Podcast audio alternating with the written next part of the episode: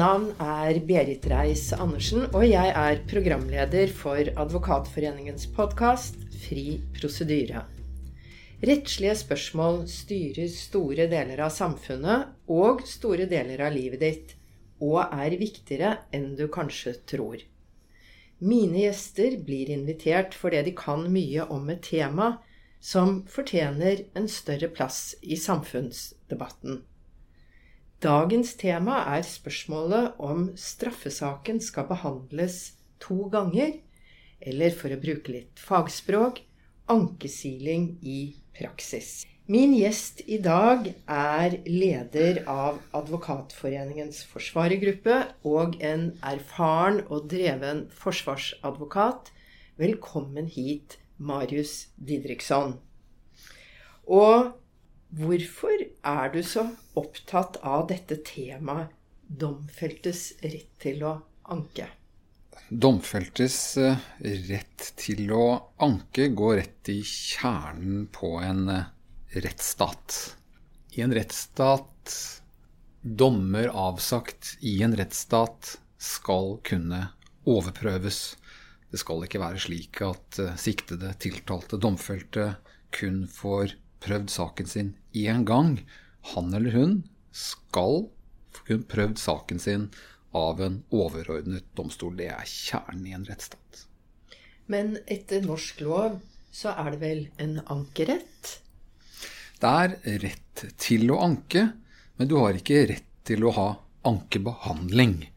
Det som nå skjer etter sist lovendring 1.1 i fjor, så er det slik at alle saker skal prøves. Domstolen skal, for å si det enkelt, sjekke ut om tingrettens dom ser grei ut eller ikke. Og gjør den det, så stopper den der. Det er først de saker hvor, hvor lagmannsretten mener at det er en viss mulighet for at anken kan nå frem, at man faktisk også får en, i realiteten en ankerett. En ny behandling av saken i lagmannsretten. Eh, det er altså slik at hvis en domfelt anker til en høyere instans, og det er jo da lagmannsretten, så er det, det eh, noe som heter ankeutvalget. Og det er vel det du nå nettopp snakket om, at noen da sitter og vurderer om denne anken skal fremmes eller ikke. Kan ikke du fortelle litt om hvem er det som sitter i dette ankeutvalget, og er det, hvordan er det de arbeider? For å bestemme om, om anken skal prøves på nytt av en høyere domstol. I ankeutvalget så sitter det kun profesjonelle dommere. Eh, det er de vi, i den grad vi ser på TV fra rettssalen, så er de som sitter i svart kappe på dommerbenken, de profesjonelle dommere. Sitter ingen legdommere der, ingen vanlige folk der. Der inne eh, i hva skal jeg si, i lagmannsrettens eh, kontoravdeling eh, vurderer disse om retten finner det klart at anken ikke vil føre frem, som det står i loven, eller ikke. Det er her de sjekker ut om tingrettsdommen ser grei ut eller ikke, om de skal tillate at anken fremmes eller ikke. Og dette skjer uten at dommerne hører vitner, snakker med vitner, snakker med tiltalte, møter den tiltalte, hører hva advokaten har å si.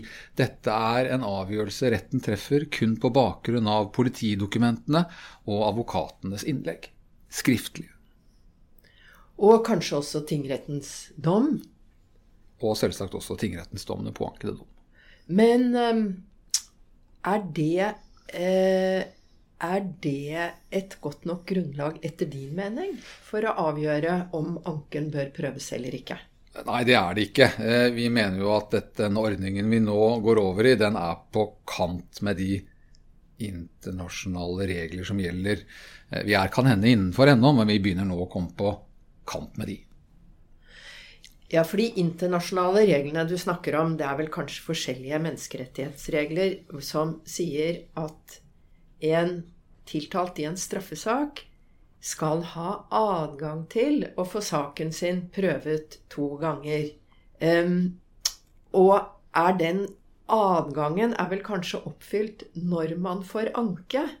Men så sier du at nå må de eh, gjennom en strengere prosess enn før for å få vurdert om anken skal slippe inn og behandles av lagmannsretten.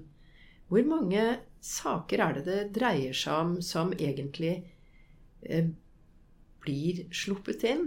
Hvordan var det før, og hvordan er det nå? Tidligere var det sånn at straffesakene var delt i to bolker. De alvorlige sakene og de mindre alvorlige sakene er de som kalles for seksårssakene. Og de som ikke er seksårssaker.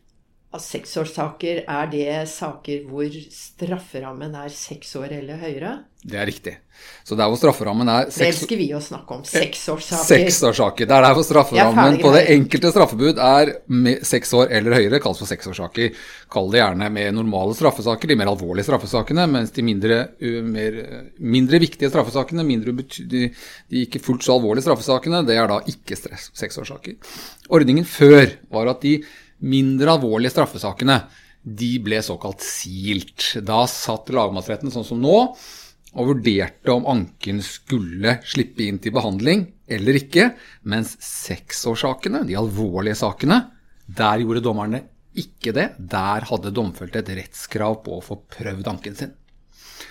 Den, eh, eh det systemet er nå endret fra 1.1 i fjor. Eh, da skal alle, nå skal også de seksårssakene, de alvorlige sakene, skal behandles på samme måte som de mindre alvorlige sakene. Alle saker skal prøves, alle saker skal siles.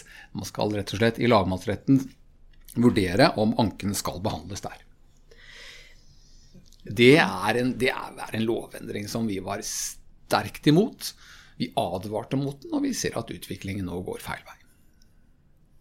For det kan jo være noen argumenter for å begrense ankeretten. Det eh, blir jo dobbelt så dyrt. Det tar lengre tid. Fornærmede og vitner må prøve flere ganger. Er det hensyn som ble vurdert da dere var så imot lovforslaget? Eh, ja, det er det. Eh, det er slik at eh, det er en kostnad knyttet til at saken skal prøves en gang til. Beklageligvis er det det. Eh, men dette må man prøve å avbøte. Vi må nok anerkjenne at det å føre en rettssak, det å eh, ha en sak hvor den tiltalte skal prøve sin sak, og den fornærmede må forklare hva som har skjedd, det er en påkjenning. Det er en påkjenning for alle parter, og det må vi måtte anerkjenne. Det er en kostnad. Um, og, uh, så det er riktig det, at det er, en, det er en kostnad, det er en belastning, men det er rett og slett noe vi må ta på oss i en rettsstat. Og så er det helt sentralt at det er ankerett. Vi vet fra veldig mange saker, noen av de er svært kjente, noen andre er ikke omtalt eh, i det offentlige rommet i det hele tatt, at tingrettene tar feil. Og i lagmannsretten blir dette korrigert. Når eh, den domfelte i realiteten ikke lenger får prøvd eh, anken sin en gang til, ja, så, så vil jo altså feilen ikke bli korrigert. Så det er alvorlig. Nå syns jeg du sier noe viktig, for ankeretten er vel nettopp bygget på en tankegang om at ingen domstol er ufeilbarlig. Domstoler kan ta feil. Og man har et system for at slike feil kan repareres ved anke. Men hvorfor valgte da Stortinget å vedta en ny lovbestemmelse som begrenser ankeretten. Hva var begrunnelsen for det? Begrunnelsen for det var at de eh, fikk tilbakemeldinger fra særlig én domstol, Borgarting lagmannsrett, som ikke klarte å få unna den kø av saker som hadde hopet seg opp. Så istedenfor at domstolen ble tilført de nødvendige ressurser, eller at det på annet vis ble tatt grep for å få unna sakene, så gjorde man det heller sånn at man endret loven, og ved det fjernet køen. Eh, vi mener jo at det er en lite hensiktsmessig måte å tilnærme seg et slikt problem på. Eh, at man rett og slett bare fjerner køen ved et eh, pennestrøk. Hvor, hvordan har det gått, da? Hvor mange anker er det som behandles nå, hvis vi snakker om seksårssakene, de mest alvorlige sakene? Dette advarte vi lenge mot. Jeg må bare si det først. I den forrige ordningen, hvor sakene ble silt, Silingsregimet åpner for at siktede aldri får prøvd saken sin mer enn én gang. og Det er ofte det som skjer. Eh, eh, før i fjor, altså i gamle dager, så så vi at de sakene som ble silt, det som de mindre alvorlige sakene, i realiteten aldri nådde lagmannsretten. 70-80% av sakene ble silt. Den kom aldri opp i lagmannsretten. Nå har man innført det samme regimet også for de alvorlige sakene. Eh, og det vi ser her nå, er jo at eh, ja, enda lagmannsretten, det var vel faktisk Borgarting lagmannsrett, som til Stortinget skrev eh, et, en merknad om hva de syntes om det lovforslaget som de selv hadde pushet frem. Så skrev de vel noe i retning av at de så ikke for seg at de alvorlige straffesakene skulle siles ut. Men det er det som skjer.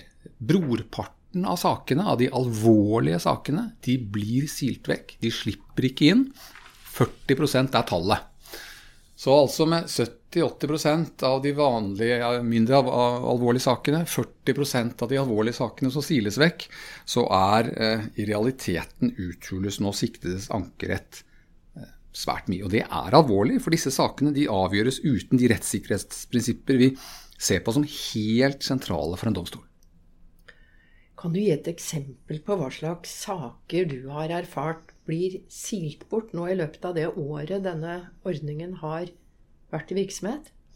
Ja, Det de så for seg når de innførte dette, var jo at det var helt uh, uproblematiske narkotikasaker som skulle, som skulle silt bort. Det er det som står i innstillingen. Men det som skjer, er jo at alle blir det. Alle saker blir det, også de aller mest alvorlige. Og jeg har en sak som dreier seg om planlagt drap, eller overlagt drap, som det tidligere het. Nå heter det bare drap. og så... Uh, ja, planlagt drap. Eh, som nå eh, har blitt eh, silt vekk i, av lagmannsretten, ikke sluppet inn. En typisk bevisankesak i en overlagt drapssak. Den så man altså ikke for seg skulle bli silt vekk, men har altså blitt silt vekk. Det er alle saker dette gjelder. Eh, og det er svært alvorlig, for da vil denne domfelte her, som altså er tiltalt for det, og domfelt for etter ting, i tingretten, han er domfelt for det mest alvorlige straffebud Eh, vi har i Norge, altså planlagt drap. Eh, det, den får han altså ikke prøvd mer enn én gang. Eh, saken blir endelig avgjort i lagmannsrettens kontoravdeling uten at man hører vitner, uten bevisumiddelbarhet, uten muntlighet, uten at man, dommerne får kjent på vitnene. Så skrives det en avgjørelse som avslutter og avgjør saken. Det er vi sterkt kritisk til. Og dette gjelder altså en sak som kan gi området 15 års fengsel for den domfelte. Ja, han her fikk 18. Og prøvd én gang. Prøvd én gang. Og ditt argument er, slik jeg forstår det, at du mener det må vi ta oss råd til og forsikre oss om at den dommen er riktig, ved å la to domstoler se på saken. Ja, det, Hva vil du gjøre med dette? Ja, Dette er jo synspunkter vi har forsøkt å formidle nå. Ved, eh, vi har fra forsvarergruppens sted forsøkt å samle inn materiale for å systematisere dette, slik at vi kan gi tilbakemeldinger nettopp til departementet eh, gjennom Advokatforeningen sentralt om hvordan dette fungerer. For dette mener vi ikke fungerer tilfredsstillende. Og jeg tror det er ett aspekt som ikke har blitt vurdert godt nok ved dette, som jeg også gjerne vil påpeke. Og det er at ved ankesiling, ved at saken avgjøres i lagmannsrettens kontoravdeling, så i realiteten bryter man med en, ja, eh, ikke bare en hundreårig, men en tusenårig tradisjon i Norge som går på at vanlige folk, legfolk, er med å avgjøre straffesaker ved at saken avgjøres ved at den ankesiles i lagmannsrettens kontoravdeling, så er det ingen vanlige folk inne involvert i den endelige begrunnede avgjørelsen fra lagmannsretten. I den saken jeg hadde som et eksempel, overlagt drap, det mest alvorlige du kan gjøre i Norge, ja, der er det altså en fire-fem siders avgjørelse fra lagmannsretten, skrevet kun av fagdommere i kapper, uten at det er noen vanlige folk involvert i dette, som endelig avgjør straffesaken mot ham. Og det er også en utvikling vi beklager. Tror du at Stortinget var klar over konsekvensene av det de vedtok eh, da denne prosessendringen ble innført? Altså at det innebærer at også alvorlige saker eh, som gir en straff i form av mange års fengsel, bare prøves én gang hva lovgiver vet og ikke vet, det er jo ikke godt å si. Men jeg legger jo til grunn at de at de ser og leser de innspill de får. Og det domstolen meldte inn, var at de ikke så for seg at dette skulle brukes nevneverdig i de helt alvorlige sakene. Det er et, for å si det enkelt, et løftebrudd. For det har ikke skjedd. Det har blitt brukt mer og mer, og nå er prosenten stadig stigende. Og nå har den gått helt opp i 40% og den gjelder alle saker. Også drapssaker. Så nei, jeg tror ikke det. Men, men igjen, eh, jeg kan ikke si annet enn ut fra hva som står i de papirene som Stortinget hadde når de behandlet dette. Der ble det antydet en annen retning enn der vi går nå. Løftebrudd.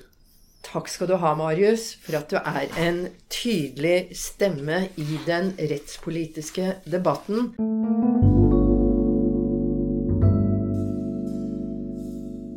Før jeg lar deg gå, så vil jeg veldig gjerne at du skal dele med oss et ord eller en setning som betyr mye for deg, eller som du synes er viktig.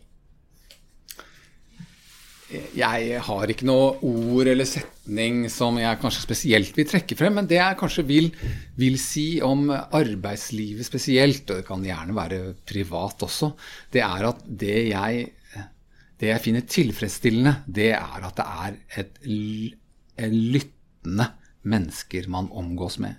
Jeg liker en domstol som lytter, som hører på hva vi har å si, hører på den siktede, og som muliggjør et miljø hvor den siktede også kan komme til orde.